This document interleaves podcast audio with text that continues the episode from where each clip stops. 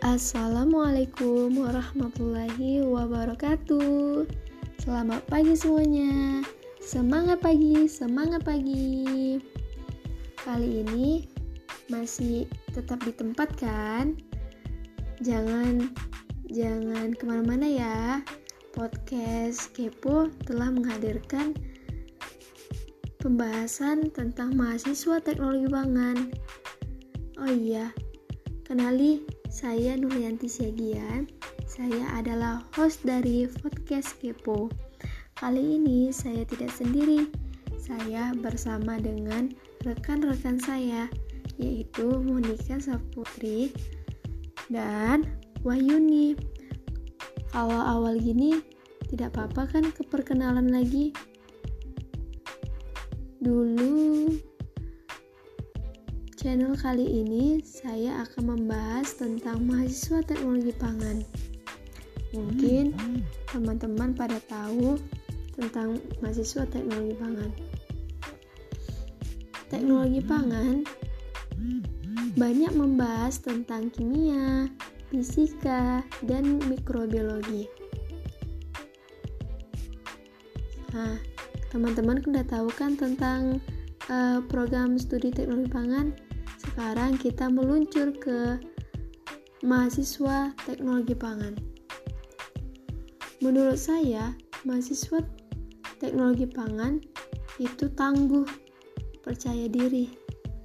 Karena mahasiswa teknologi pangan tidak percaya apa itu bisikan-bisikan dari orang lain. Misalnya, banyak teknologi pangan orang-orang awam atau orang lain membilang atau membicarakan teknologi pangan itu sama dengan tata boga. Nah, di sini Kepo sedikit menjelaskan tentang mahasiswa teknologi pangan. Pasti pada kepo kan? Nah, pasti pada kepo kan? Baiklah, mari kita sharing-sharing bareng ya.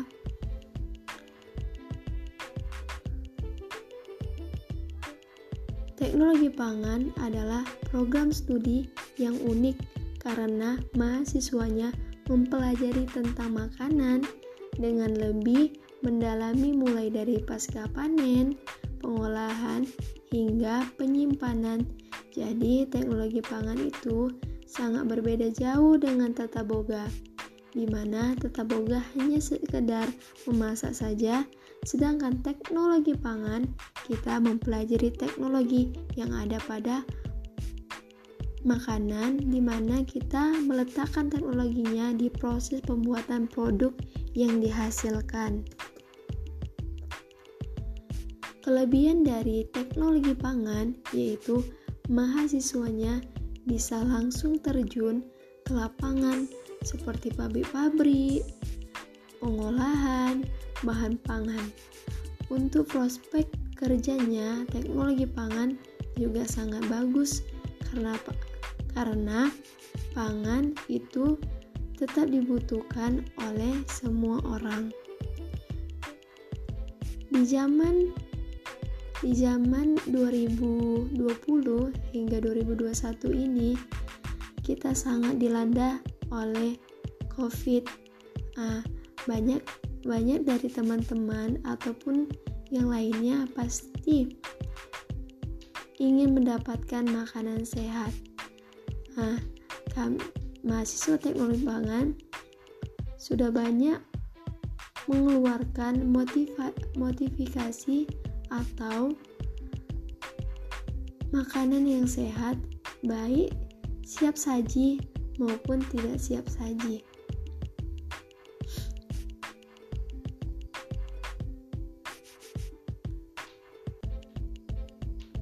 Tamatan dari teknologi pangan, kita bisa membuka lapangan kerja sendiri karena mahasiswa teknologi pangan sudah memiliki skill dan pengetahuannya sendiri. Pasti teman-teman pada kepo bagaimana sih cara mendaftar menjadi mahasiswa teknologi pangan? Oke, kita akan membahas tentang pendaftaran menjadi mahasiswa teknologi pangan di next video kedua kami. Sekian podcast kali ini. Terima kasih para pendengar setia kami. Kami undur diri. Assalamualaikum warahmatullahi wabarakatuh. Bye bye.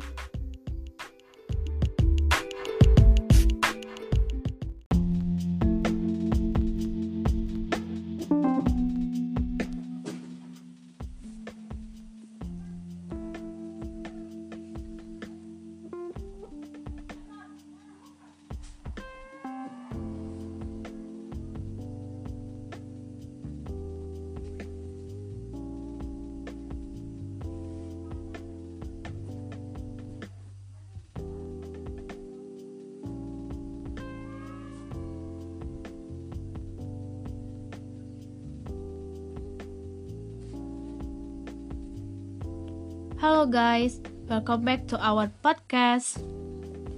Kenalin guys, kami dari channel Pinky Pinky Politeknik Pertanian Negeri Payakumbuh, program studi teknologi pangan. Saya, Christine, bersama rekan saya, Putri dan Dina, yang akan menemani Anda beberapa menit ke depan. Di sini kami akan membahas tentang bakso bakar labu siam. Siapa sih yang tidak kenal bakso? Pastinya, kita sudah kenal dong, Sejak tahun 2019 hingga sekarang, dunia bakso mulai dihebohkan dengan adanya beberapa jenis bakso.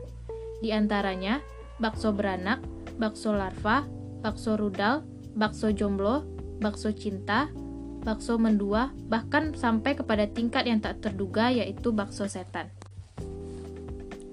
Saya sebagai pencinta bakso ingin sekali mengulik lebih dalam mengenai bakso labu siam ini – Bakso labu siam merupakan bakso yang kaya akan sejuta manfaat. Namun, saya tidak akan menyebutkan semuanya. Apa saja sih manfaatnya? Berikut, simak penjabarannya. Pasang telinga Anda dan fokus dengan saya. Pertama, saya akan membahas kandungan labu siam terlebih dahulu. Labu siam kaya akan kandungan pektin yang mampu mencegah diabetes serta mengandung senyawa anti kanker. Dilansir dari liputan6.com, Labu siam memiliki berbagai nutrisi seperti lemak, asam folat, vitamin B6, vitamin C, vitamin K, vitamin E, sodium, kalsium, zat besi, serta magnesium. Lemak yang terdapat pada labu siam tergolong sebagai lemak baik dan tidak memiliki kolesterol jahat. Labu siam juga mengandung mineral penting bagi tubuh seperti natrium dan yodium, kaya akan serat, dan senyawa flavonoid. Sayuran ini memiliki tekstur daging buah yang berwarna putih, renyah, dan banyak kandungan airnya. Serat pada labu siam sangat cocok dijadikan menu pendamping untuk diet sehat Anda.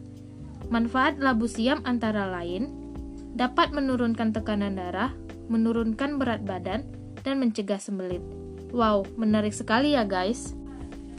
Nah, kita kembali berfokus pada bakso bakar labu siam.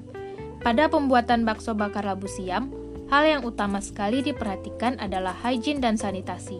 Di teknologi pangan, hygiene dan sanitasi bukan hal yang asing lagi untuk didengar, karena kita dituntut untuk melakukan personal hygiene di setiap praktikum yang kita lakukan.